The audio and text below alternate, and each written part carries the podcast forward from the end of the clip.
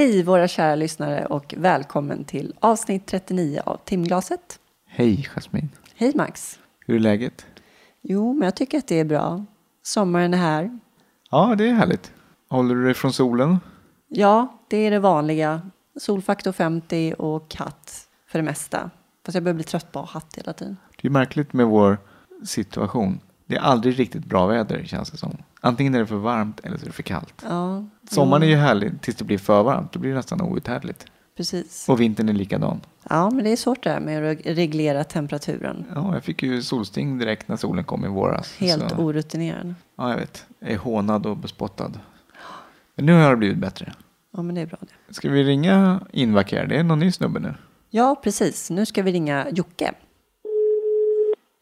Ja, Inmarkär Joakim. Tja Jocke, det här är Jasmin från Timglaset. Ja, jag hör ju det. Ja, hur är läget?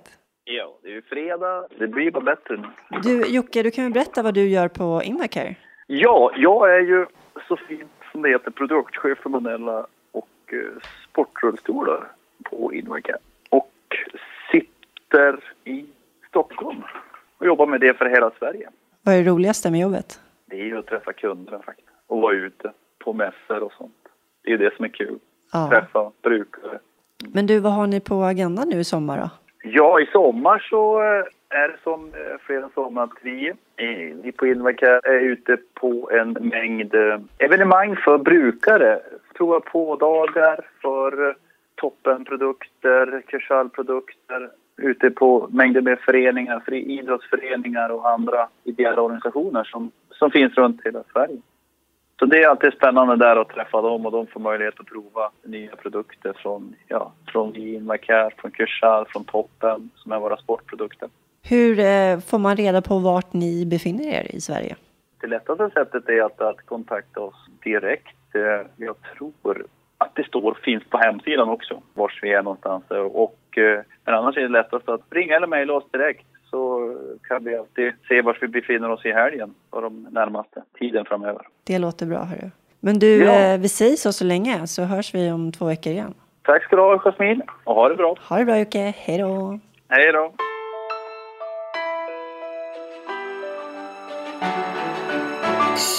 Idag ska vi intervjua en snubbe som både du och jag känner, som heter Per. Han var ju hockeyspelare, men vid 23-årsåldern så bröt han nacken i en bilolycka. Han fick en inkomplett ryggmärgsskada så att eh, han kan gå, men han har ingen känsel från midjan och ner. För icke insatta så syns det inte att han är skadad. Det ser ut som, han, ser ut som att han haltar egentligen bara. Ja, lite grann sådär. Ja. ja, och sen har han väl ägnat större delen av sitt liv till att träna andra personer med olika nivåer av ryggmärgsskador. Han eh, tränade bland annat mig när jag var nyskadad. Ja, och mig med har han tränat. Ja, ni håller ju på. Ja, jag håller på med en jättespännande gummibandsträning hemma. Låter väl sexigt? Hur går det? Jag tycker nog ändå att det har någon form av effekt faktiskt med de här förbannade gummibanden. Det är ju väldigt viktigt för oss att stärka upp våra axlar, för annars kaffar de ur snabbt. Precis, och jag tycker fan mig att man gör väldigt många på med lite motstånd så blir jag ganska muskeltrött och det är ju det är lite kul för det om växlings skull. Ja. jag ska väl också sätta igång med de där jäkla gummibanden någon Ja, gång, har jag ja. sagt i några år. Ja, det är vidrigt alltså, men Mm. det är ack så nyttigt. Ja. ja, men eh, ska vi köra? Ja, vi kör igång. Här kommer Per.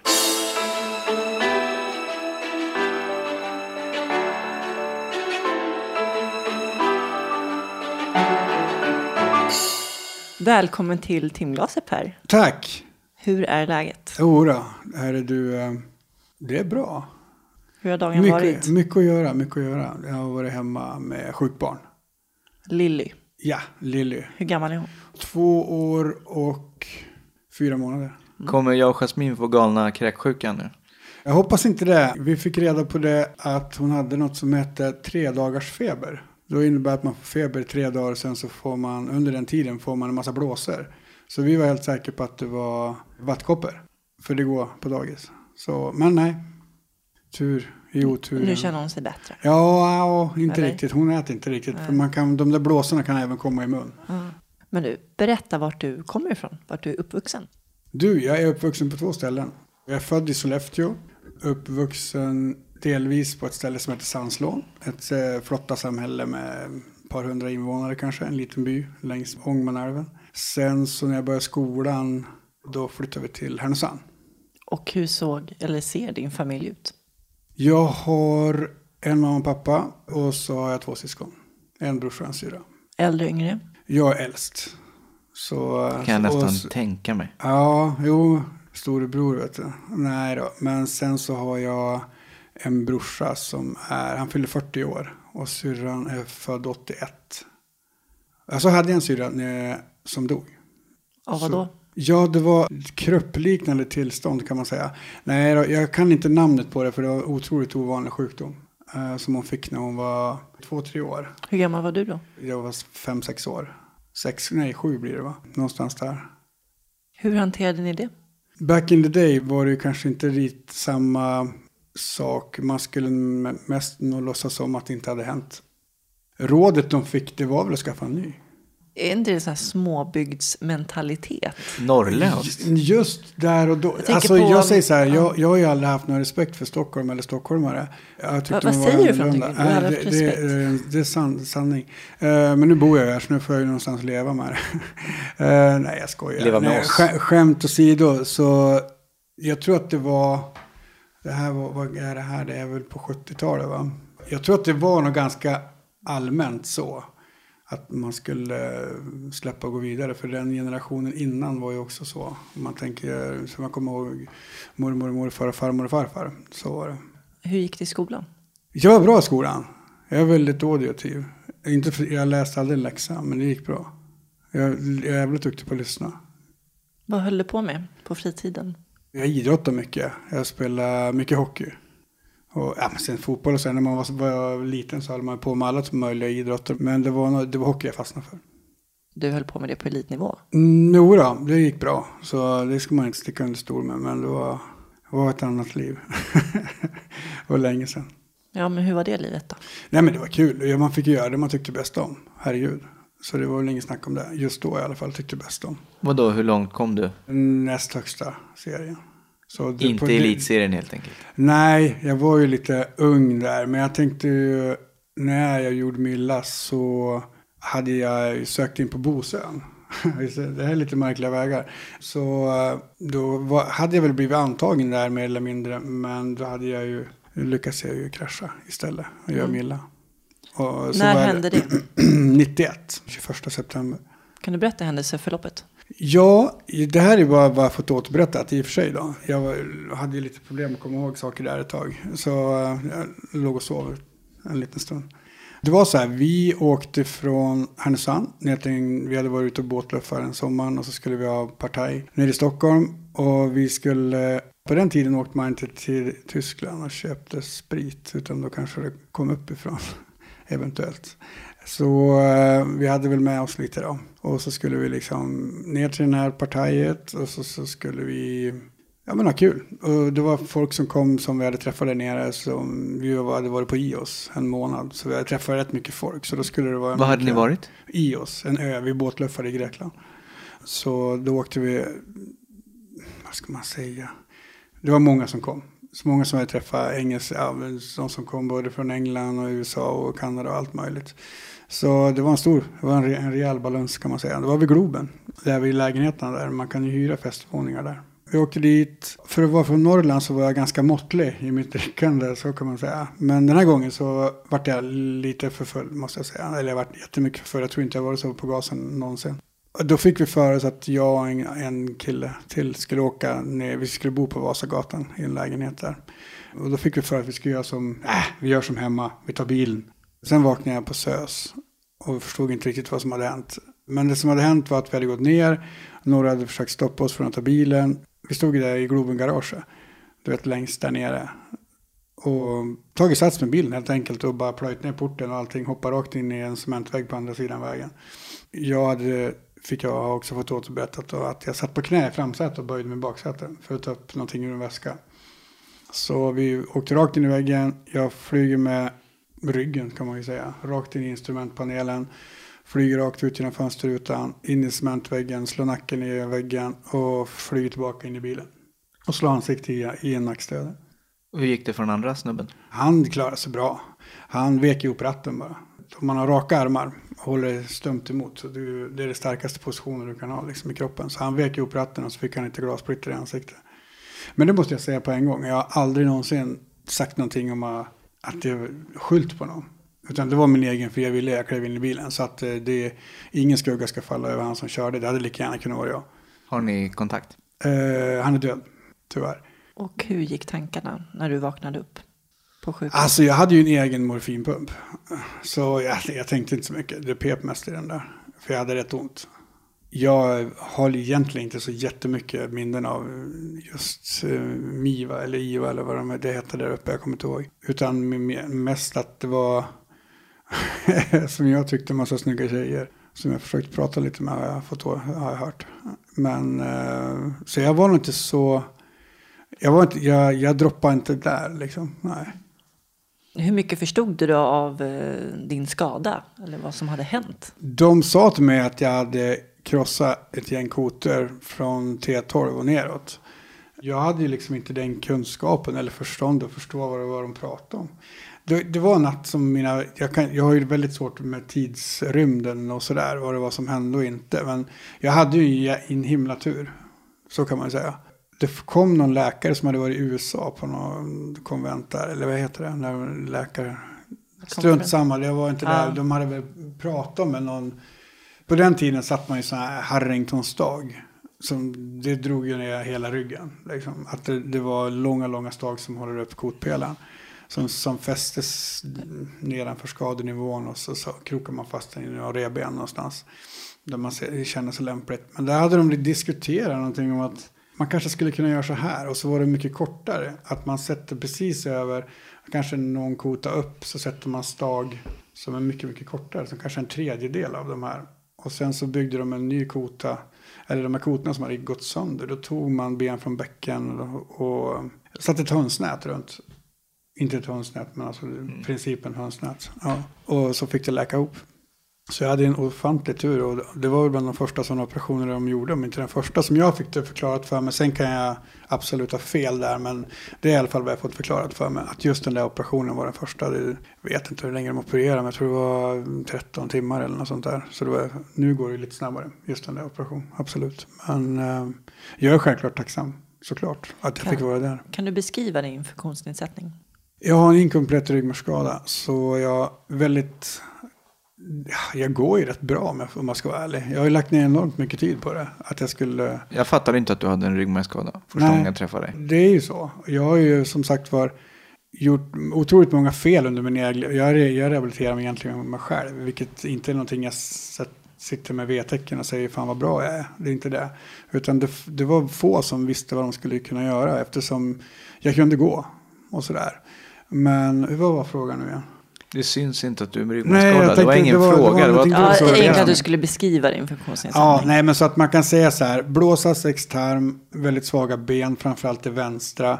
Lite muskulatur kvar, så kan man säga. Och känsel? Uh, nada, nedanför T12. Alltså vid naveln kan man säga. Eller vi kan säga så här, vid höftkammen och ner. Där.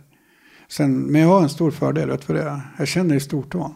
Fantastic. Men vet du, jo, Låter men lite det, som Max skriver med att han kan eh, vifta på tån. Ja, men grejen är så här, om du känner i stortån så känner du när foten lämnar golvet. Annars så känner du inte det. Och då när du inte känner det, då går det lite grann som du ut och går med vadarstövlar, om det, om det säger dig något. Sjöstövlar, att du går liksom med helfot eller på häl. För när man har sån här skada, så om man går ner för en trapp och så slår du ner hälen, då får du blodsmak i mun. Och det kanske, jag kan inte säga att det gäller alla, men väldigt många. Att man får en känslan av att, oh, jäklar vilken träff det där vart. Och, men det är inte det. Det, är bara, det, jag, jag, det finns säkert någon som kan förklara varför. Jag har inte hört någon som jag känner är trovärdig på just det. Men det är en jätteobehaglig känsla och så får man blodsmak både i näsan och i mun. Är det svårt att lära sig gå? Det låter ju jättemärkligt att man inte känner någonting i benen. Nej, jag vet. Gå. Ja, men vet du en sak? Vi är ju fantastiska på det sättet, människor, att vi lär oss att leva med det, med det vi har. Så är det ju.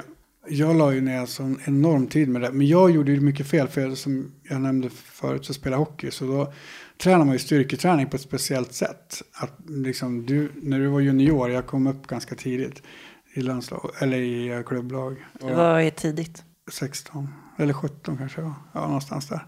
Jag eh, körde på, som jag gjorde när jag spelade hockey. Jag körde hårt, jätte, jättehårt. Och mitt vänstra ben följde ju inte alls med i utvecklingen. Utan det hängde med som, eh, jag, jag tror att vid det tillfällena kallade det för blindtarm. Den fanns där men den fyllde ingen funktion. Ända sedan den där natten på sjukhuset när det började brinna. Jag ringde på klockan och sa att mina ben brann. Det var då Mm. de började fungera. Det, det är jag säkert inte ensam om. Så, som har känt, fått den känslan. Så då, då förstod jag att jag fick chansen. Och då tänkte jag ge den en ärlig chans också. Att jag kör. Jag kör som fan. Och det var vad jag gjorde. Jag gasade på som en galning. Och, och bara träna, träna, träna, träna. Och gav mig fan på att jag skulle gå i den här svängen. Och då en rund sväng runt så här. Att jag skulle klara det. Det, det här var, var 150 meter. Men jag, jag slutade aldrig så att jag kunde gå tillbaks. Utan jag gick bara framåt. Och det var det enda, det, det, det är någonting jag har tänkt på i efterhand faktiskt. Men jag gick aldrig tillbaka, utan mina polare fick bära hem mig till morsan och farsan. För jag fick flytta hem under den tiden när jag var nyskadad. För jag hade några trappor innan, i den lägenheten jag bodde. Summan av kardemumman, jag körde väl slut på mig lite grann. Så jag, jag har lätt att bli näsblod när jag har överansträngt mig. Så jag, jag, det var väl många veckor i sängen med näsblod som det var. För jag gick framåt lite för hårt. Men samtidigt då, jag tror, visst, jag kanske har fått mer verk av just den träningen. Men jag ser ju också någonstans som en vinning eftersom jag kan gå bra. Eller jag orkar gå länge. Inte så länge just nu, för nu spelar jag basket och då blir man rätt tung i överkroppen. Russos basket. Ja, exakt.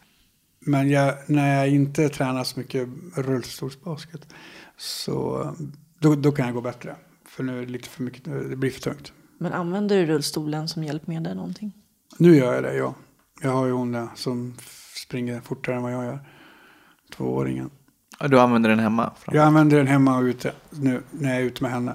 Sen så visst, jag har ju börjat använda, men det var nog ganska länge sedan som jag började använda stolen. Ikea, när man går på stan eller något sånt där. För annars var jag helt död när jag kom hem. Men när jag åkte stol då, då var jag inte ens ansträngd när jag kom hem. Så ja, nej, men man lär sig ju efter vägen. Och jag hade ju inte, det fanns ju inte i min värld att man skulle använda kateter, att man skulle använda rullstol, att man skulle ta hjälp av saker. Eh, det var som jag berättade för dig förut Max, och det är liksom inget så här, jag är inte så blyg att berätta om saker som har varit problem. Men eftersom man, eh, blåsan, jag hade liksom spastiska svinks, alltså muskulatur som håller igen, att man inte pinkar på sig. Till slut så blir det ju övertryck i det där och då spelar det ingen roll om du nästan är frisk eller inte. Så, så kan man ju läka. Så jag, jag pallade inte att fråga om det fanns någon hjälp för något sånt. Så jag, jag det enda jag såg framför mig, ja, det var ju som vi pratade om, en sån här jättestor sjukhusblöja som man skulle glida runt med. Men eh, någon gång så, bara, så var det någon som frågade mig när jag var på någon sån här urologihistoria nere i Sundsvall och då sa de, frågade de om jag hade problem och sa ah, så här, jag tvekade lite grann och sa ja men det är bara att det finns en liten grej som du kan hjälpa till med för det är inte så att du ska springa runt med en blöja liksom. Så, så Ja, det är väl lite ja, stökigt. Det är Jag väl tänkte komma till det. Jag menar, du var ju ändå 21 år Mm, när olyckan inträffade. Mm. Det var trauma. mm. Och jag menar, den åldern, ishockeykille, lite macho kan jag tänka mig. Skulle jag? Och få problem med blåsa och tarm. Det måste varit jävligt knäckande. Ja men så är det ju. Det är inget snack om saken.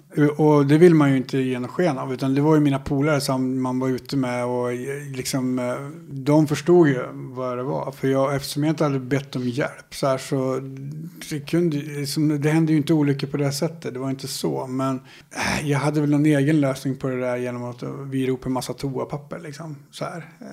Så du, jag kan garva åt det nu för det var så stört att jag inte ens frågade om det fanns någonting som kunde hjälpa mig. För jag såg ju som sagt var bara framför mig en sån här, jag jobbar det var ju lite sjukt för när jag gjorde mig illa så jobbade jag på, Hjär- på Hjälpmedelscentralen. Jaha. Ja, och jag har väldigt lätt för siffror i lång rad så jag kunde ju hjälpmedelsnumret på den korsetten jag skulle ha. För de kom upp med en billigare men den tyckte jag inte han skulle ta utan han fick gå ner och hämta en annan och göra om den. Minns du numret idag? Nej, jag gör faktiskt men det börjar på 1266. Men det är en ganska lång kombination.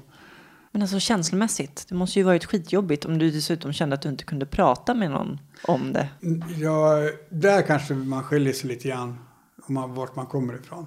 Så är det. Jag hade inga problem alls, förstår du vad jag menar? Jag tyckte själv inte det, fast jag hade ju det. Men jag ville inte berätta det för någon. Och jag skulle inte berätta det för någon heller. Som jag sitter och pratar nu, det skulle inte existera då när man blir äldre också så tror jag man förhoppningsvis så förändrar man sig kanske till det bättre. Du hade väl inga förebilder heller? Så. Jag hade aldrig träffat någon som var som jag. Utan som var något mellanting. Så här, nej, det hade jag inte gjort. Utan däremot när jag jobbade på hjälpmedelscentral så hade jag ju träffat en del som kom och hämtade nya stolar och sådana där saker. Ja, absolut. Men, Hur snabbt insåg du att du inte kunde hålla på med ishockey längre? Ja, det var när jag vaknade. Fast jag vände på det där när jag, när jag som jag sa, den där natten när det brann. Liksom, då förstod jag att jag hade fått förutsättningarna. Alltså brann i mina ben.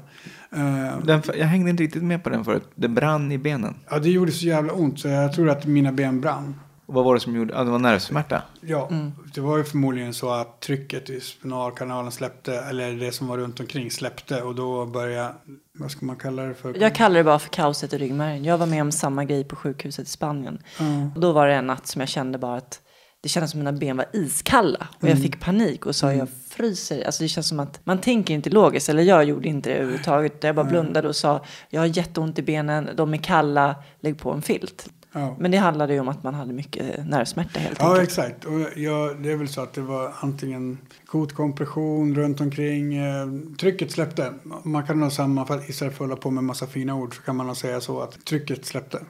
Så det är i alla fall vad, vad jag tror. Men det är alltid svårt att diagnostisera sig själv. Det är lättare när någon någon annan beskriver det. Då tror jag man kan se lite mer nyktert på det. Men efter det så förstod jag att jag skulle få åtminstone ha chansen. Och då gav jag det chansen. Men vänsterbenet tog ganska många år innan det började funka. Men jag kände ju att det fanns en förmåga att lyfta det och trycka det framåt.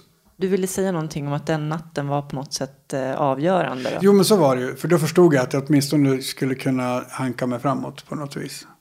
Och då skulle jag ju verkligen ge tusen procent för att få det. Och komma dit som jag var nöjd. Men jag är inte en sån människa som blir nöjd så ofta. Men sjukgymnastiken då? De gjorde väl sitt bästa där. Men grejen är så här. Jag var ju ung och jag var lite dum. Så jag skrev ut mig själv från sjukhus när jag kom till Härnösand. Jag tjatade mig till. Jag brukar nog inte tycka själv att jag är speciellt otrevlig. Men visst, jag har väl mina dagar när jag är där. Men här nere på SÖS var jag bara, äh, för att vara, för vara, de har hjälpt mig så mycket så var jag väldigt otacksam. För jag ville ju bara hem. För jag låg ju där själv. För morsan och farsan bodde ju 55, var, vägen var längre då, den är lite rakare nu, men jag tror jag 55-60 mil bort. Så de kunde ju inte vara där hela tiden heller. Och, Hur länge låg du där? Jag vet faktiskt inte riktigt hur länge jag var där. Men jag var ju väldigt otrevlig och ville hem, ville hem, ville hem, ville hem. Till slut så skickade de hem mig med ambulansflyg. Fast det egentligen inte var läge för det. Och det kände jag ju när de körde dit upp till exempel med ambulansen, att det inte riktigt var läge för det. Men jag kom hem i alla fall. Och din familj, hur reagerade de? Eller förstod de egentligen hur allvarligt skadad du var? Eftersom att du vägrar berätta någonting. Jo, men jag bodde ju det. där så det var ju ganska uppenbart just där. Men just runt omkring när jag gjorde mig illa, det var ganska rolig grej. Morsan och farsan, de, och brorsan och syrran var ju små. Hur som helst, då ringde de från SÖS på morgonen. Klockan sju eller åtta eller vad det var. Och hon var vaken, brorsan var vaken. Men inte morsan och farsan, de låg och sov, de skulle ta sovmorgon. Då var det syrran som svarade och sa hon, hej jag heter syster, vi säger att hon heter Ulla, hej det är syster Ulla, kan jag få prata med din mamma eller pappa? Nej, sa syrran. Och så höll de på att älta det där fram och tillbaka några gånger. Och hon sa, nej jag tänker inte väcka dem, det tänker jag verkligen inte göra. För de har sagt att de vill ha sovmorgon. och så sa hon så här, du, nu måste du väcka dem för jag måste prata med dem. Det här det är viktigt, det är jätte, jätteviktigt. Och då så hade väl syrran sagt, ja, ja men då, då är det ditt ansvar att, att jag väcker dem. Men var inte det befriande på något sätt? Att det liksom ändå Jo, det var roligt. som vanligt? Ja, jo men det Lite. var ju det. Det var en, en, två minuter till så var det som vanligt. Sen så, så tror jag det inte vart som vanligt längre. Sen då, bara, då kom de ju ner då. Mm, hoppade in i bilen på en gång. Hur kändes det när du träffade dem? Jag kommer inte ihåg. Faktiskt inte. Utan jag vet att de var där, men jag har ingen aning om vad jag gjorde. För jag hade ju, det var rätt mycket smärtor, så det var, det var mycket smärtstillande. Vad fick du för skador förutom ryggmärgsskadan? Ingenting. Jo, jag slog sönder, just det, det, det glömde jag säga. Nej, jag slog sönder ansiktet. By the way, liksom. Ja, jag, jag drog i huvudet in i nackstöd visst. Hade de räknat ut. Så jag slog i, så jag, ingen känsel på vänster kind kan man säga. Det är ju några nerver som går där uppe vid okbenet som är ganska viktiga. Fast den stora klarade jag. Det var en, en tiondels millimeter tyckte de sa. Från att jag skulle slå av den. För då hänger ju ena ansiktshälvan. Så, men om man tittar noga så, så ser man att det, det är lite grann som är lite neråt så här. Men man ser nog inte om man inte har sett mig innan. Men du flyttade hem. Hur länge Flyttade hem bodde till du morsan och farsan. Ja, nej, jag vet faktiskt inte hur länge jag bodde där heller. Jag har liksom inte så mycket tidsramar där, utan var, jag hade bara en, ett mål. Liksom jag, du vet en häst som tävlar och har skygglappar. Jag hade nog det. Jag ville bara framåt, framåt, framåt. Det, var ing, det, var, det, det fanns inget annat. Jag tittade inte bakåt överhuvudtaget. Och det var bra för mig då. Har du alltid varit målinriktad? Nej, det beror på vem man jämför med. Det, så är det ju. Det kan jag inte säga, men när jag ger mig fan på något så ger jag mig inte förrän jag får som jag vill. Hur gick tankarna sen då? Hur tänkte du att hur ska du ta dig vidare i livet? Det var då i mitt huvud, eller vad man ska säga. Jag, när jag gick gymnasiet gick jag badmästarlinjen. Det var ingenting, för jag är inte så jävla förtjust i vatten egentligen. Det var ganska förberedande för att gå GIH, för jag var intresserad av att bli gymnastiklärare. Så det var därför jag skulle ta vägen förbi Bosön, för jag visste att det fanns... Nu kan man väl inte påstå att det är en gräddfil, men det är ju en fördel att ha gått Bosön om man sökte in på folkhögskolekvoten. Jag vet inte om den finns kvar längre, men den fanns då i alla fall. Vad är, vad är Bosön för de som inte vet? Bosön, det är Riksidrottsförbundets utvecklingsanläggning och ligger ute på Lidingö. Du började där. Jag ville gå där, för det var en bra väg att komma in på GH via folkhögskolekvoten. För det var lite svårt att komma in på GH, GHR. gymnastik och idrottshögskolan. Så jag ville bli gymnastiklärare då. Och sen tänkte jag väl spela lite hockey när jag ändå var här. Och jag kanske kände att Bosön var ju en utmaning i sig, absolut. Men jag kände att eh, ja, men det var rätt ställe att vara på. Jag tyckte det skulle, jag såg fram emot det. Det skulle vara kul. Ja, det var den vägen jag hade stakat ut då. Men då tänkte jag så här när jag hade gjort Milla då. Nå, men herregud, ska jag kunna, ska jag verkligen kunna bli gymnastiklärare? Jag kan inte ens visa ett jävla längdhopp liksom. Hur, nu när jag är äldre så hade jag, känner jag kanske ibland att fasiken, jag var nog ganska dum. Jag hade bara kunnat sagt så här, ja men det är det här du gör fel, ändra på det här och det här. Men i min värld så fanns inte det. Jag har haft lätt för idrott. Det var väl det som var grejen, att jag ville bli gymnastiklärare. Jag tyckte det verkar vara eh, ett roligt yrke. Sen var det nackdelen var väl att man skulle bo i Stockholm ett tag. Men vad du- är det för men- fel på Stockholm? Nej, det är något fel på Stockholm. Det är bara bilarna, det är som är i vägen för mig. Annars Men är det du, bra. en stor av din identitet låg ju i ishockeyspelaren Per. Mm, jo, så var det ju, absolut. Så hur var det steget från att liksom inse Jag, att jag, jag, Det tänkte måste- aldrig, jag, jag, jag tänkte aldrig på det steget. Utan du bara körde på? Jag bara körde. Jag- Jag var så jäkla inne på det där med att jag skulle gå, jag var som alla andra. Det var otroligt viktigt för mig att vara som alla andra. Och när jag hade chansen att kunna vara, eller som alla andra, bli som jag var. Fast kanske inte kunna springa eller hoppa eller göra sådana saker. Att Men skulle inte synas att Nej, du- precis. hade någon defekt? Nej, för jag kände att det skulle nog gå. Nu, jag vet, jag vickar lite för mycket på, på asset när jag går och sådär. Men det, det, kanske, det kanske roar någon, vad vet jag. Nej, det, nu är det ju inte viktigt, men just då var det det. Självklart är jag jätteglad och jättenöjd över att jag kan gå. Det är väl ingen snack om det. Det skulle väl vilken av er som by, byta direkt liksom. Tror jag i alla fall. Jag hade ju föredragit, jag? föredragit händer först, om du frågar mig. Ja, Ja. jag hade föredragit att kunna bajsa och kissa. Ja, Ja, jo, men den Bra, är trevlig. liksom. Ja. Det kan ju ingen av oss, höll jag på att säga. Nej, men, nej, kan vi inte prata mer om det? Jag, jag tycker sånt där är roligt. Nej, jag skojar. Nej, jag känner nog till det där. Jag har ju känt er, er ett tag. Framförallt dig har jag känt väldigt länge. Jasmin. Hur känner ni varandra? Oj, var det via Micke Ja, från början? jag eller tror... Jag, det är nog Nej, faktiskt så. det var ju mitt var första för- RG-läger på Boxholm, Ja, precis. Det var det, Då. när jag stod ditt parti. Ja, När jag tog Jag ju parti liksom och ställde, och, ställde, och ställde mig upp där och Ah, bara skällde ut ja. alla efter noter. eh, var Vad det, hände? Kan det vara 2000? Jag skadade mig mitt, 99. mitt, första läge, mitt första läge på Bosön, det var 99. Ja. Som jag jobbade. Eller på Bosön, förlåt, på, på Boxholm heter det. Först ska vi faktiskt. säga att vi snackar om ryggmärgsskadeläger och eh, jag var då på mitt första så kallade nyskadeläger Mm. och där fanns du som ledare. Ja, styrkan. Ja. Boom. Ja, men det var så sjukt. Alltså, jag var ju den tjejen som hade högst skada på det Mm, lägret. det det. och jag hade ingen som jag kunde identifiera mig med. Alltså tjej. Det Nej. fanns killar. Ja. Men rent krasst så eh, är det ju så att män har större muskelmassa, eller man ska säga, kapacitet än vad tjejer har. Så att det går inte att jämföra mig med liknande skador. Alltså killar Du med kan liknande aldrig, får jag skador. bara säga en sak som jag sa till dig då? Ja. Du kan bara jämföra dig med dig. Ja. Och det är likadant med Nisse Hult. Han kan heller inte jämföra. För det är ju ett, ett jävla lotteri det här med ryggmärgen. Det var ju det som var så befriande. Liksom, Mm. Att du förstod mig. Och så förstod du min frustration. Därför att jag Mm. är en målmedveten människa som vill göra mitt yttersta liksom, Mm. för att bli så självständig som möjligt. Ja. Och eh, både du och jag hade hållit på med något fysiskt Mm. innan. Mm. Så att du, liksom, du verkligen såg mig och förstod mig. Jag hade ju ett breakdown där, kommer jag ihåg. På gymmet. Då var det en av ledarna som var en så kallad resurs. En Mm. ung kille. Som efter det här styrkepasset skulle visa mig hur man stretchar. och liksom, det var det enda jag hade gjort i hela mitt liv, Mm. är att stretcha.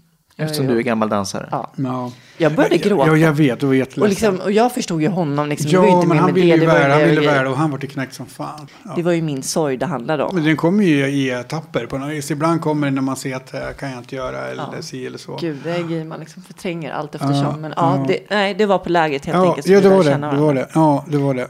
Jag kände mig värdelös också, Ja, det men, det. Jo, men det är ju så. Man, man vet vad man kunde. Det, det ligger nära liksom. Och då kommer man ihåg saker Det är som... fortfarande ens identitet. Ja, men det är ju det. Bara ett år efter olyckan. Ja. Alltså, jag är ju fortfarande dansare i Jasmine Doll. Liksom. Ja, ja. Och jag menar... Det är, ja. Jag är inte snäll av något sådär när det gäller sånt. Men du slet ju på så mycket du bara kunde och mer därtill. Så att det, det var ju som jag sa till dig då. Jag kommer ihåg de där diskussionerna vi hade.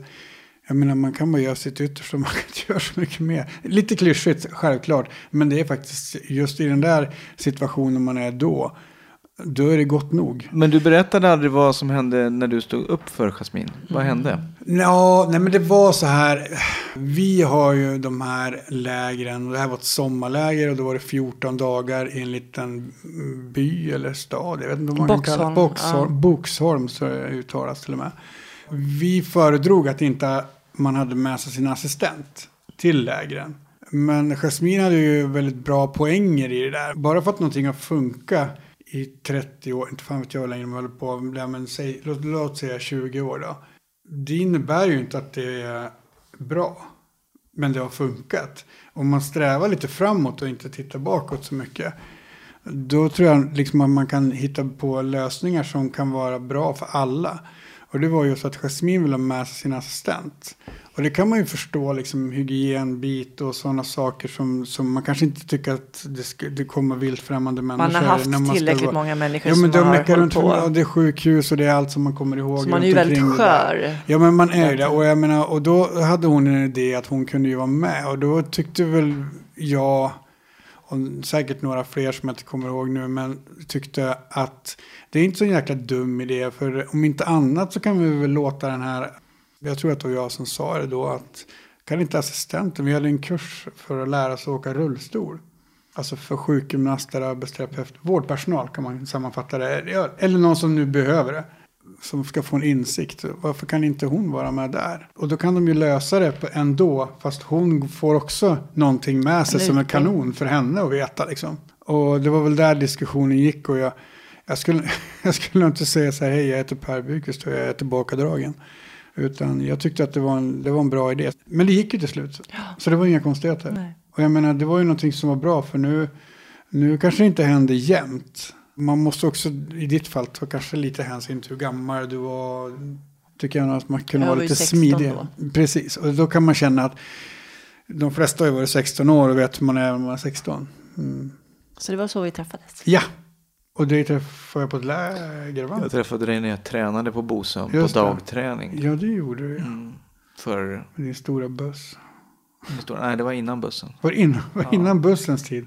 Det var ett tag Ja. sedan. ja, det var inte igår. Det är väl i alla fall en 12 år sedan. Ja, Ja. ja. det är jobbigt det där när tiden går så fort, det är kul. Tillbaks till dig och eh, gympaläraren.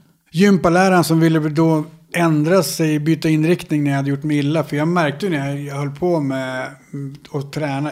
Nu kanske inte jag var så jäkla schysst med de som var ju liksom sjukgymnaster. Jag kände kanske att de inte, de var för rädda helt enkelt för att ta i det. Och tänkte jag så här, fan jag är skadad och allting. Jag skulle kunna göra jättestor skillnad. Så då sökte jag in på sjukgymnastutbildningen istället.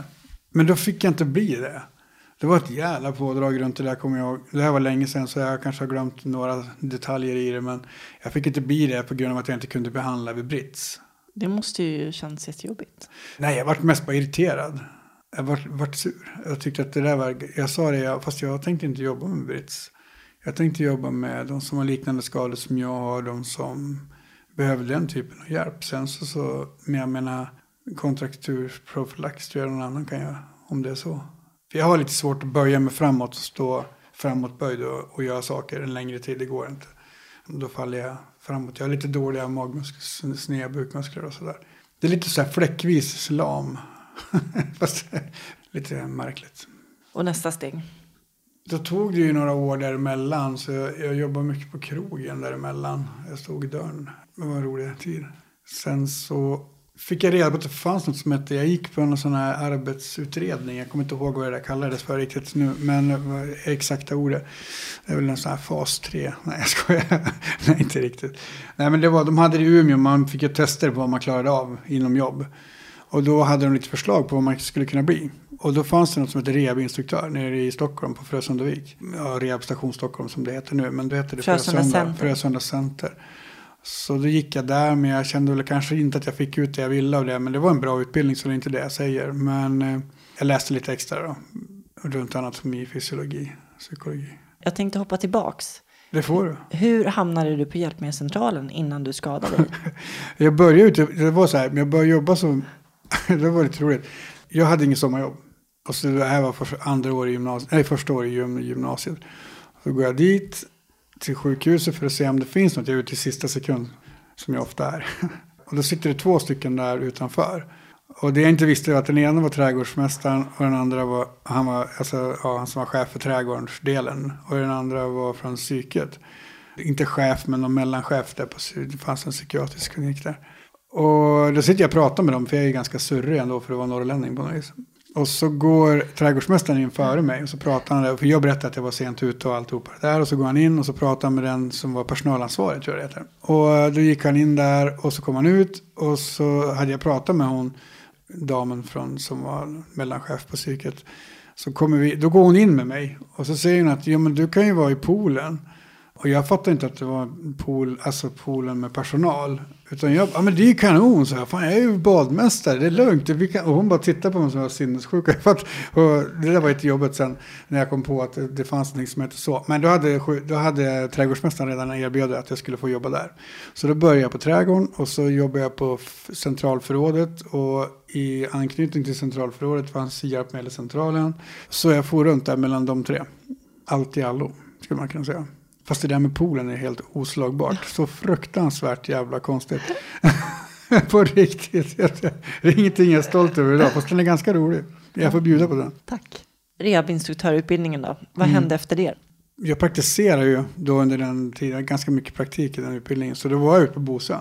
Då när jag började titta på allt som fanns där och så. Då fick jag en idé att. Nej men här är ju kanonställe. Jag, jag är ganska driven när det är något som jag vill. Och tänkte jag så här, gud, här skulle man kunna börja träna folk som har inkompletta ryggmärgsskador. Det är ju kanon, du vet med den här 200 meters ban. Det är en väldigt stor anläggning det där, alltså förhållandevis. Det är en kanonanläggning. Ja, det är en kanonanläggning. De har 200 meters banor. De har, de har väl allt? De, ja, det är två gym. Ja, du, you name it så har de det där liksom. Och min tanke där runt Bosön var att nu kör vi igång. Så fick jag hjälp av en sjukgymnast som hette Kristina Arvidsson. Så vi startade det där efter många om och men med styrelsen när det skulle bli beslutas att vi skulle börja jobba med det. Så fick jag strida mot två stycken under ett årsmöte. Jag hade aldrig träffat någon som var där inne förut. De på Bosön, ja, eftersom jag hade gjort min praktik där. Men jag fick verkligen stå till svars för vilken anledning någon som kunde gå skulle vara med i den föreningen. Jag och Kristina startade ju den här gångargruppen. Och då gjorde vi så att vi hade ett samarbete med Spinalis som det heter då. då då så skrev vi ett brev, frankerade och så fick de skriva adresserna. För det är så man får jobba då. Då skickade de ut 24 brev. 23 kom för den 24 var sjuk. Då kom de här människorna dit och ville träna. På den vägen är det. Vad gör du där gått. idag? För du har ju Nej. jobbat där sedan dess. Jag jobbade där sedan 99. Eller jag varit anställd 99. Så jag har aldrig jobbat på ett ställe så länge. Men det, jag tycker det är kul att jobba där eftersom jag jobbar mycket med gångardelen. Men jag jobbar ju med vi har ju gruppträningsform där på Bosön. Då, så att, eh, vi har ju mycket utrustning där ute som är anpassad för att träna just för en rullstol. Hur viktigt tror du det är att du själv har en ryggmärgsskada när du eh, hjälper andra att träna? Alltså, jag har ju varit uppsökare också. Det vill säga man träffar personer när de ligger på, i det här fallet i Stockholm så heter det ryggmärgsskadeavdelningen på akuta delen heter väl R18 det, det handlar om trovärdighet i grund och botten. Jag har en egen skada, jag vet hur det är. Herlofsson, psykologen, säger ju att en ryggmärgsskadad, han lyssnar bara på en annan ryggmärgsskada. Och det har han faktiskt rätt i. Det, ja. det, måste man lägga handen på hjärtat och säga. Ja, det håller jag med om. Men det är aldrig någon som tycker att vem är du som kan gå liksom, och komma här och tala ja, om men för jag, mig jag, jag ska träffa. Grejen är så här, jag har inte den approachen kan man säga mot de som sitter i stol. Däremot de som går kan jag ha det. Där kan du vara tuffare. Jag, ja, men jag är nog ganska sådär, jag är nog lika med alla, så, tror jag. Eller jag, jag hoppas och tror det i alla fall. Jag talar nog inte om för någon som sitter i stol att den kör den här kanten fel när vi tränar rullstolsteknik. Utan det får nog min kollega Pierre göra som är mera kunnig i den branschen. Absolut. Så jag håller mig nog till mina... Men däremot när det kommer till styrka, kondition, alla sådana där saker. Då, då kan jag däremot ligga på som fan. Ja, det är klart, det är Pierre sjuk så säger jag som, jag som jag känner. Absolut, inget snack om saken. Men um, jag försöker nog låta... Man får nog skilja lite där tycker jag. Men det, det är bara min filosofi. Rullstolsbasketen, det har du hållit på med i tio år. Ja, det är nog till och med tolv. Hur kom du in på det? Jag kom in på det, en kille som du känner, Mattias Simonsson hette han. Han höll på att tjata om det, detta rullstolsbasket. Han var också med på det där lägret. Det var han. En skåning han. Knappt att man begriper vad han säger. Men eh, han mer eller mindre tvingade väl ner min stol för att pröva det. Och jag tyckte nog att det var ganska kul. Men jag kände att ska jag verkligen ta någons plats som sitter i stol? Det var innan jag kom på att det finns det här kluriga poängsystemet. Det var ingen som förklarade att det var ett poängsystem. Att man får si så många poäng på banan samtidigt. Alltså fördelat på fem spel. Det är lite komplicerat. Nej, men det är, det är enkelt förklarat. Om vi bara går efter ryggmärgsskador. Har du en hög skada på ryggmärgen så blir du en etta. Är du benamputerad eller inkomplett så blir det 4,5. Och där finns ett spann med 1, 1,5, 2, 2,5, 3, 3,5, 4, 4,5. Det är lite klassning på hur mycket skador du har. Ju mer skada, ju lägre siffra. Och jag förstod aldrig det. Jag trodde att alla satt i stor. Jag trodde att det var fritt för alla som satt i stor. Men att jag gick ju, så vad, vad hade jag där att göra? Och sen så ville jag verkligen satsa på den här inkompletta träningsgruppen som vi hade.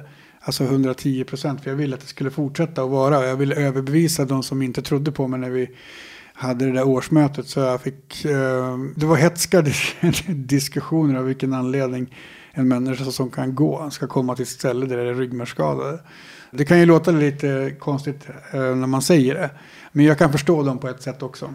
Men jag ville verkligen satsa och skriva dem på näsan och visa att det här var någonting som var i tiden. Någonting som vi skulle kunna utvecklas av Ja, för att fler och fler blir ju inkompletta just för att akutvården blir bättre också. ja, men om akut omhändertagande, folk förstår att bilen inte bara brinna som den gör i en amerikansk film, utan de liksom, de förstår. Visst är det fara för livet, då rycker man ut människan som sitter i bilen det brinner eller att det är någon eller sår tungan eller vad fan det kan sägas som man kunde ha hänt.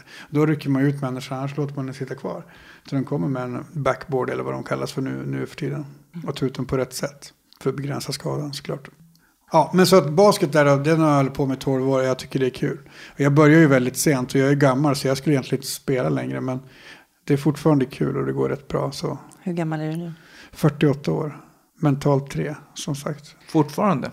Jag har kommit en bit på vägen, det har jag gjort. Jag har till och med reproducerat mig så vad fan. Det har ju gått bra med rullstolsbasketen. Det har gått jättebra, det har det. Vad är de bästa minnena? Peking var coolt. Det var jätteroligt. Uh, nu förlorade vi en match som var väldigt viktig för att vi skulle gå vidare där. Med två poäng tror jag det var. Det var inte kanske, det var väl lite av en missräkning. Ja men hela grejen det där med att, att spela i ett landslag är ju roligt. Så är det ju. Sen är det ju roligast när det går bra. När det går lite sämre så är det inte lika roligt att vara ett landslag. Det är inte. Ska du till Rio? Nej, vi kom inte. Så vi, skulle, vi hade chansen att komma dit men vi tog den inte. Sen, så jag var med men jag var helt värdelös och fruktansvärt dålig. Men eh, jag hade problem med en axel. Så jag trodde inte att jag, det ens var möjligt att jag skulle kunna vara med. Men jag åkte med ändå. Så jag får ju ta det. Jag var inne på banan när jag spelade och då får man, om man gör det då får man ju ta den smällen att man var med. Eller vad man ska kalla det för. Jag var med och, då, och, och var dålig men det spelar ingen roll för hade jag varit hemma och sagt att axeln var paj. Så visst, då hade jag åtminstone inte varit dålig. Men samtidigt så tänkte jag, äh, vad fan, jag måste ge det chansen. Och man känner väl ett ansvar om man har varit med ett tag också. Hur ser din meritlista ut? Eh, många SM-guld. Jättemånga. Inga medaljer med landslaget. Kom fyra som bäst. Jag kom med för sent. Året innan jag kom med så vann de. Så jag åkte ut som sista spelare innan. Det, det glömmer jag nog fan inte så lätt att jag gjorde. Men jag var, ja, nej. Men i alla fall. Du sitter ju väldigt högt ja, i din jo, men man basketstol. gör, ju, man gör ju det. Man sitter ju högt i stolen. Hur lång är du när du sitter i den? Jag har inte mätt. Jag har ingen Nej. aning faktiskt. Du ser ut att vara längst på plan. Jag har väl den fördelen att vara ganska lång. Men alltså, i svenska mått mätt så är jag nog rätt så lång. Då är jag lång. Internationella så är jag ju inte det. Men jag är ju klassad som en tre och en halva. Så det, jag vet nog ingen tre och en halva tror jag. Som är längre än vad jag är. Men det kanske det finns. Men det, det spelar ju ingen roll för om jag är i landslaget så får jag ju spela mot deras fyra och en halva. Och de är ju långa. De kan ju fan vara... 2,08 är det en från Tjeckien som är liksom. Hur många poäng är ni i hela laget? I landslaget 14 poäng på banan fördelat på fem spelare. I klubblag 14,5 Vad har du för position? center. Att man går nära korgen. Alltså, jag, jag, jag är inte så jäkla inne. Jag har inte så mycket respekt för basket. Jag tycker inte det är så kul att se på. Men eh, jag tycker det är kul att spela det. Så är det. Men det är inte så att jag sitter och kollar på NBA eller svenska ligan eller följer med något lag eller så. Nej, det är bara hockey faktiskt. Apropå sitta så, eftersom du inte har någon känsel, varför justerar du benen nu så att du sätter med benen i kors? Känner du det då? Nej, jag har ont i benen. Det är därför jag rör på mig hela tiden. Du jag, har- känner- Jag har, ont, jag har ont i mina ben. Nervsmärta. Alltså nervsmärta. Sånt skit. Men du, du sitter där som en ostkrok, du förstår ju inte det här. Det ska Fråga vi- det- Jag har, os, jag har, Kör- jag har Kör lite nervsmärta. gummiband och jävlar liksom. Nej men alltså det vet jag ju att du har haft svåra nervsmärtor genom Mm. åren. Kan du på något sätt beskriva hur det känns, eh, de smärtor som du måste leva Alltså det med? finns ju alla de här fina sjukgymnastiska sakerna man ska se. Man har brännande, man har, eh, och gud vet allt. Jag kan bara sammanfatta det så här, jag har jäkligt ont. Jag försöker inte tänka på det, men jag har, jag har ont jämt. Så är det. Men till slut så blir man ju van den, att man har en nivå. Att det här är mitt, mitt normaltillstånd. Här har jag ont. Jag kan beskriva min nervsmärta. Mm. Det är som att mitt, min högra sittben är som pennvässad. Så att det är som att sitta på en spets som går Ah, mot, okej. ner mot sittdynan. Ja, jag förstår. Ja, fy fan vad jobbigt. Jag har mera så här molande, förstår du? Att den, den är jämnt, det är jämnt påslag. Enda gången som det funkar mycket, mycket bättre, men det är fortfarande meck, den är utomlands, när det är varmt. Vi Då var blir, i min, Thailand. då blir min värre. Jaha, när jag var i Thailand där, vi var där ganska länge, hela familjen. Det var kanon. Det finns ju en, en, en normal verk till, vad ska man säga, en normal kurva. Så kan man nog beskriva det. Och det är okej. Det är jag van. Skulle den försvinna skulle jag bli väldigt förvånad. Så kan man säga. Den går ner några steg när jag är utomlands. Och då blir det ungefär som att den släpper helt, men den gör ju inte det. Det finns liksom inte så här någon tell som säger så här, nu kommer du få ont så du inte vet vilken kommun du är i. Det finns ingen sån. Men, men den kommer ju. Och det är oftast när det är, när det är vinter. Hur har du hanterat det då? Både bra och dåligt. För det är ju det är länge sedan. Men jag använde mycket av smärtstillande förut. Jättemycket. Men det var ju ingen liv att leva. Det märkte jag ju. Så, så då, då fick jag hjälp att sluta med det. Du missbrukade? Det, ja, det gjorde jag. Det gjorde jag absolut. Jag övermissbrukade värktabletter. Jag märkte ingen skillnad av alla jävla nervtabletter man har prövat. Ja, men då har du nog inte tagit den mängden som man behöver. Jag tror jag var maxade de flesta. Ja, Men jag märkte ingenting. Jag blev bara trött. ja men det, det, det vart inte jag däremot. Jag vart pigg. Det här kommer jag så väl ihåg. Jag kommer inte ihåg vad medicinen hette som jag hade fått. Från början åt jag inte värktabletter, jag vägrade. Tog inte ens en Alvedon. Sen så gjorde jag någonting, jag kommer inte riktigt ihåg vad det var, så jag gjorde mig illa i alla fall. Så, och då fick jag någon värktablettsort som jag inte kommer ihåg vad det var. Men det är väl inte Treakomp, men det var i den, på den nivån kan man säga. Så skulle vi, den tjejen jag var tillsammans med då, skulle vi åka till Övik och fira Lucia. Och då frågade jag, fan tog jag den här värktabletten eller gjorde jag? Och hon bara, nej jag vet inte, vi var lite stressade för vi var, hör och häpna, lite försenade. Och då så tog jag en till. Jag tänkte det spelar väl ingen roll. Tio minuter efter så var jag kär. Och sen så eskalerade det där under kanske åtta års tid någonstans. Och vart bara mer och mer. Och på slutet var det ju inte bra. Men det var, jag tror någonstans också att det var lite så här. Jag hade rehabilitering, jag hade kört jäkligt hårt med den här rehabiliteringen. Och då använde jag inte värktabletter överhuvudtaget som sagt var. Sen när jag märkte att nu stannar det av. För då var jag fokuserad på det. Så jag hade aldrig liksom tänkt så här, åh gud vad ledsen jag är för att jag har gjort illa mig. Det hade jag nog aldrig gjort. Var det Men, och, det, och det ville jag. När, för mig då så fanns, jag var ju bara här och nu då kan man säga. Jag ska se, jag ska ju så, jag ska göra liksom med just runt omkring träningsbiten för att bli så bra som möjligt. Någonstans så, så går det ju inte längre utan då blir det inte de här monsterframstegen att nu kunde jag gå 500 meter till om man har det som riktmärke. Och då tror jag det, det var någon sorg tror jag. Så här i efterhand. Jag har ingen aning. Men det var, det, eller aning har jag, annars skulle jag inte säga det. Men det var nog så att jag kände, fan, att nu blir det inget mer. Och då så tog jag en, som sagt var en värktablett för mycket. Sen var det kört. Inte för att skydda mig själv på något vis i världen, men jag tror nog alla skulle kunna hitta något att missbruka, absolut. Men det hör ju egentligen inte hit. Men det var, jag kommer aldrig glömma den känslan. När jag kände att, åh herregud, jag trycker på pausknappen. Nu är det paus, nu behöver jag inte tänka, nu behöver jag inte göra någonting. Nu är det bara, så. Det var en befrielse. Någonstans åt det håller jag. Jag tror inte jag tänkte så heller, utan jag tänkte bara så här paus. Det är ungefär som om man hade ont och så skulle man gå ut på krogen och så drog man två snabba whisky. Precis samma känsla men bara i i ett litet piller som var två centimeter långt. Och när insåg du att det hade gått för långt? Ja, det, det insåg jag nog inte för jag är ganska tjurigt lagd. Men till slut så jag faktiskt den chefen jag hade så, då på RG. Så sa jag så här, jag måste ge mig nu. Hon förstod ju vad det var. Så hon sa, jag sa det, jag behöver hjälp. Och då, och då fick jag det. När var det? 2001 tror jag. Eller 2000. Så jag startade ju alltihopa det där, även fast jag var så himla, man kan använda ordet såsig tror jag. Men jag var ganska, man tror ju när man äter tabletter att de, det är de, de bra sidorna som förstärks med det. Men det är ju tvärtom. Det är de sidorna som inte är så bra, det är de som förstärks. Fast vad man tror att var det är det för sidor hos dig? Alltså det skulle ni egentligen fråga någon annan om, utan det här är bara vad jag tror. Men man blir lite gränslös. Man säger saker egentligen som man inte skulle säga annars. Men jag säger kanske de sakerna ändå, men jag sa dem inte på ett sånt sätt som jag egentligen skulle vilja säga dem. Det, det där låter lite flummigt, men jag tror att om det är någon som har lite problem så tror jag de förstår vad jag menar. Hur tog du dig ur det? Först fick jag vara på tub, heter det. Det är en sån här avvänjningsställe. Som då plockar de bort, men det går ganska fort. Sen så fick jag gå en rehabilitering. Som var sån här halvtidsrehabilitering. Så att jag var där på förmiddagen och så var jag hemma hos mig själv på eftermiddagarna. Jag säger så här, jag har ju redan gått igenom en rehabilitering med, med olyckan då. Det är ganska lika. Jag tror att de flesta ryggmärgsskadade skulle kunna gå där fast man skulle ha en inriktningen på ryggmärgsskador. Man skulle inte ha inriktningen på tabletter.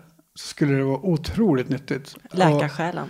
Ja, men så kan man säga. Men jag tror att man lär nog känna sig själv på ett sätt som man kan tycka är lite obehagligt. Man lämnar ju över alla sina recept. För det var ju inte så att man hade det. Då hade man ett pappersrecept. Så. Jag lämnade över alla utom ett. För jag ville ha en out. Om det inte skulle gå som jag hade tänkt mig. Så när jag skulle till en rehabilitering så kände ju jag mig som att du är den sämsta människa som går i ett par byxor. Du är helt oduglig. Du kan inte ta ansvar för dig själv. Du kan inte ta ansvar för de andra. Hur fan har du kunnat få ihop det här med gång, det heter gångagruppen då. Och jag, jag slog väl rätt hårt på mig själv. Så då tog jag det receptet och åkte och skyndade mig till apoteket Och så drog jag till ett gäng och sen så, så ringde jag och sa. Ja, jag är sjuk idag. Och så sa han det. Det, det gör ingenting att du är sjuk idag. Men imorgon vill jag att du kommer. Det spelar ingen roll vilket skick du är i. Det var sista gången. Jag har en tendens att alltid göra mig illa. När jag spelar basket och sådär också har jag dragit några revben och det är axel och det är allt, allt möjligt konstigt. Och då får man ju erbjudande om att ta värktabletter. Och det skulle ju vara väldigt härligt att få en värktablett om du har dragit tre revben till exempel. För det är lite svårt att leva just då. För det är svårt att andas överhuvudtaget. Jag vet inte om ni har dragit revben någon gång så brukar man ju känna det. Det är lite obehagligt. Men då tackar jag nej och alltid Du var det. rädd, livrädd för att falla dit. Absolut, 100 procent. Även fast jag vet att i ett tillstånd när kroppen är, när det är kaos i kroppen på grund av smärta, alltså en ny typ av smärta som inte har funnits där innan, då är det ingen fara. Men jag, jag tackade nej till allt, ända till jag fick diskbråck. Jag skulle kliva ur basketstolen så bara låstes allting och så fick jag kramp i hela kroppen. Jag visste inte vad som var fel. Och tog jag mig hem på något jävla konstigt sätt sittandes i bilen. Jag, hade så jäkla ont så jag visste inte vad jag gjorde. Jag var egentligen inte så bra att köra bil men jag gjorde det ändå. Så kom jag hem och sen kom ambulansen och sen åkte vi in. Och så låg jag en hel natt med ena benet, vänsterbenet krampa. Det var liksom upphöjt alltså, mot bröstkorgen och det satte fast. Jag kunde inte för mitt liv få ner det liksom. Jag vägrade ta smärtstillande. Jag vägrade en hel natt. Men sen så, då hade jag fått överlagt med mig själv en hel natt. Och sen så kom ju läkarna in två stycken. De kom in med jämna mellanrum och sa att jag var dum i huvudet. Kanske inte ordagrant, men de menar ju på det i alla fall. Då så sa de att du vet ju själv, du har ju åkt i magnetkamera förut, eller hur? Ja, tror du att du kom in med det där benet eller? så fick jag ju smärtstillande då. Och så fick jag med mig tabletter hem som det stod. Det var kort och gott så stod det morfin. Så jag googlade på det där och kollade så var det till cancerpatienter i sista stadiet på något vis. Oj, det är starka grejer. Ja, det var faktiskt det. Men jag kände ju inte av det. Jag var liksom trött och, och, som du beskriver, trött. Det var inte så att jag vart wow, boom, så. Utan tvärtom. Jag varit seg, och, men det gjorde inte lika ont självklart. Och hur men, hanterade du det? gick ju bra som helst. Jag bara lämnade tillbaka de som var kvar. Och jag tog precis efter ordination. Det var lite skönt att veta faktiskt. Att du kunde hantera det? Ja, ja, för det är ju så.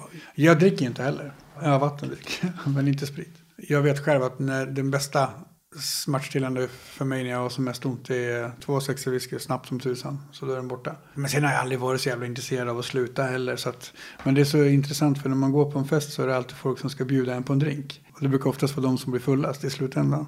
Så från början var det nog annorlunda för mina kompisar. Nu säger jag inte att de är alkoholister, det är inte det jag säger. Men det var lite annorlunda att jag, att jag var nykter. Ja, det är inte så lätt. Det var inte så att de sa på den här rehabiliteringen att det var problem med sprit. Eh, utan de menar på att det var tabletterna som var problemet. Liksom. Det var jättebra för mig. Jag är väldigt nöjd över att ha gjort det. Och jag lärde mig nog mycket mer. Man kanske inte kan säga så, men jag gör det ändå. Man, det där med tablettgrejen var sekundär. Det var bättre att lära sig om vem man är. Nu blir det lite så här puttinuttigt, men så är det. Det är bara raka rör. Sanningen är sån. Hur ser ditt liv ut idag? Åh, det var en stor fråga. Nej, men jag har det bra. Jag har det jättebra. Jag har en fru och jag har en dotter ja, men som jag älskar överallt. Så är det.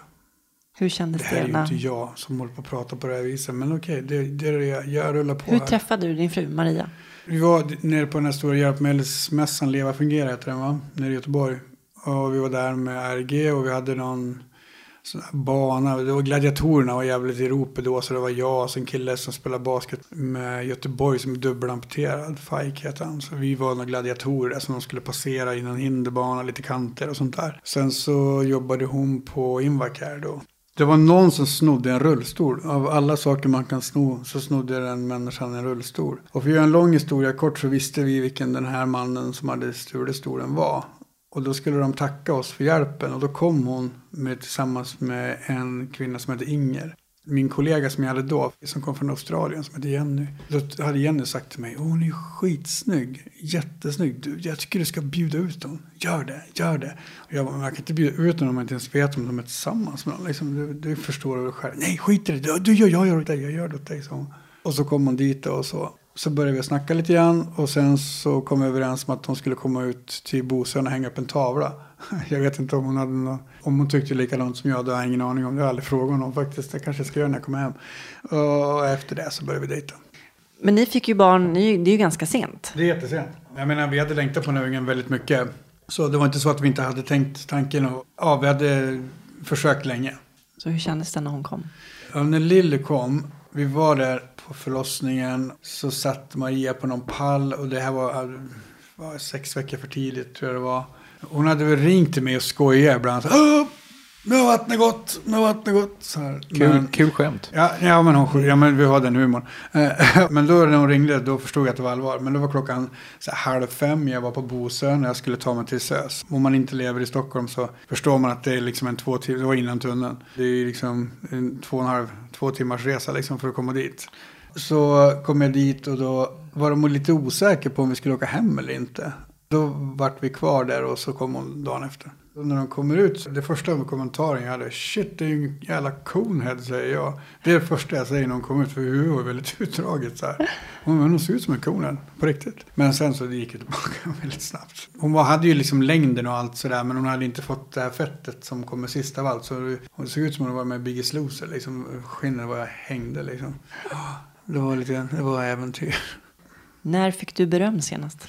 Jag, vet, jag kommer inte ihåg. Men jag, jag, brukar få det. Åtminstone i mitt jobb brukar jag få beröm. Och det är kul. Då vet man att man gör något bra. Fast man kan alltid göra det bättre. Vad är lycka och vad betyder lycka för dig? Alltså jag tycker om att vara med min familj. Och göra roliga saker. Sen tycker jag om att vinna. Vad betyder frihet för dig? Jag gillar att fiska. Det är frihet.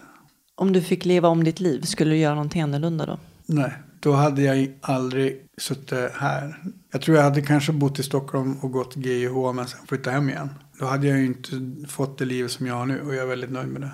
Sen att man har gjort saker som kanske inte är, man tänker just runt omkring tabletter och sådär. Det är väl inte saker jag är stolt över men jag har fortfarande gjort dem för så jag får stå för dem. Du hittade ju dig själv i alla fall. Jo men det gjorde jag. Man ska lära sig av sina misstag, fine. Men jag tror man ska nog sträva framåt. Det är väl det som man kanske utvecklar en som person. Sen så kan man snöa in ibland och det är väl också normalt såklart. Men samtidigt så, om man lär sig av sina misstag tror jag man har mycket med sig. Vad skulle du vilja säga till någon som inte har någon erfarenhet av personer som lever med funktionsnedsättningar? Alltså för mig är det så, självklart. Varför ska man se en skillnad ens? Visst, du sitter i rullstol. Ja, du har gjort någonting som inte var skitsmart. Ja, du har en kromosom för mycket. Okej, okay, mm, sorry. Varför ska man göra skillnad på folk? Jag vet inte hur jag ska sammanfatta det i en enda mening. Utan jag, jag tycker nog man, det är ju en människa liksom. Vad är, vad är problemet? Så kan jag känna. Tack så mycket Per för att du kom och delade med dig av din livshistoria. Tack ska du ha. Ni ha.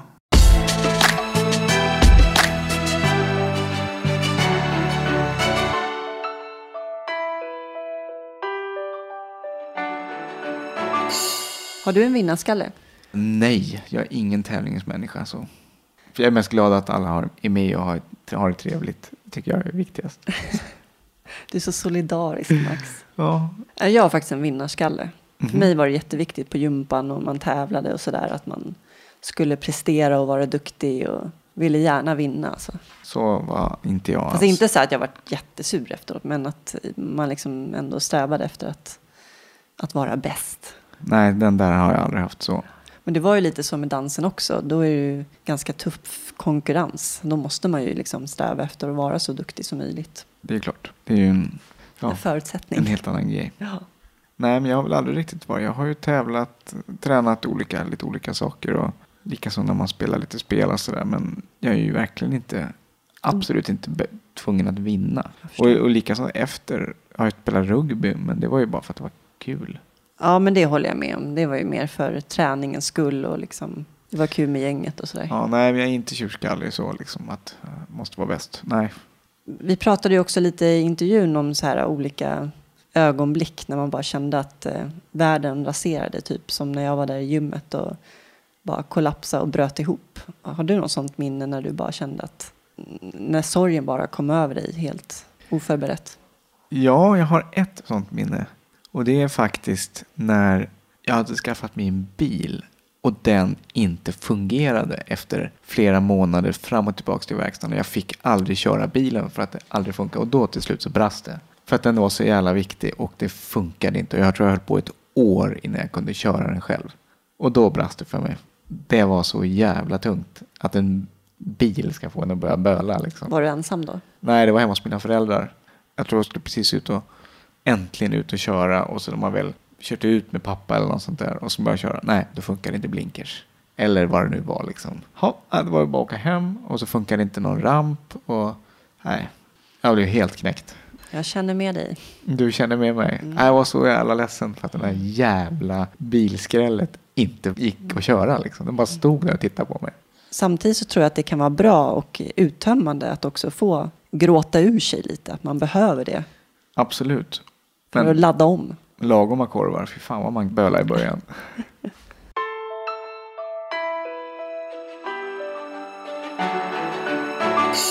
Tack Invacare. Ja, så ska vi tacka våra samarbetspartner Invacare som är ett internationellt hjälpmedelsföretag. Tusen tack. Tack så jättemycket. Vi har en hemsida, www.timglasetpodd.se och man kan kontakta oss på kontaktatimglasetpodd.se. Vi finns på sociala medier, Facebook, Twitter och Instagram. Så ni får jättegärna följa oss där så blir vi glada. Hashtag timglasetpodd. Vem kommer nästa vecka? Nästa vecka så träffar vi Rim. Hon skadade sig när hon var 15 år och då bodde hon i Dubai. Men sen flyttade hon till Sverige för hennes föräldrar tänkte att hon skulle få ett bättre liv här. Så hon flyttade dit som tonåring och har bott här nu i Sverige i åtta år och jobbar med Refugees Welcome Sweden och eh, har stått och tagit emot eh, flyktingar som kommer hit. Stått kanon. Nej, hon har inte stått. Hon sitter. Hon sitter i rullstol Ja. och tar emot flyktingar. Ja, Så det ska bli, tycker jag, ett spännande möte. ha det bra så länge. Ha det bra. Hej då.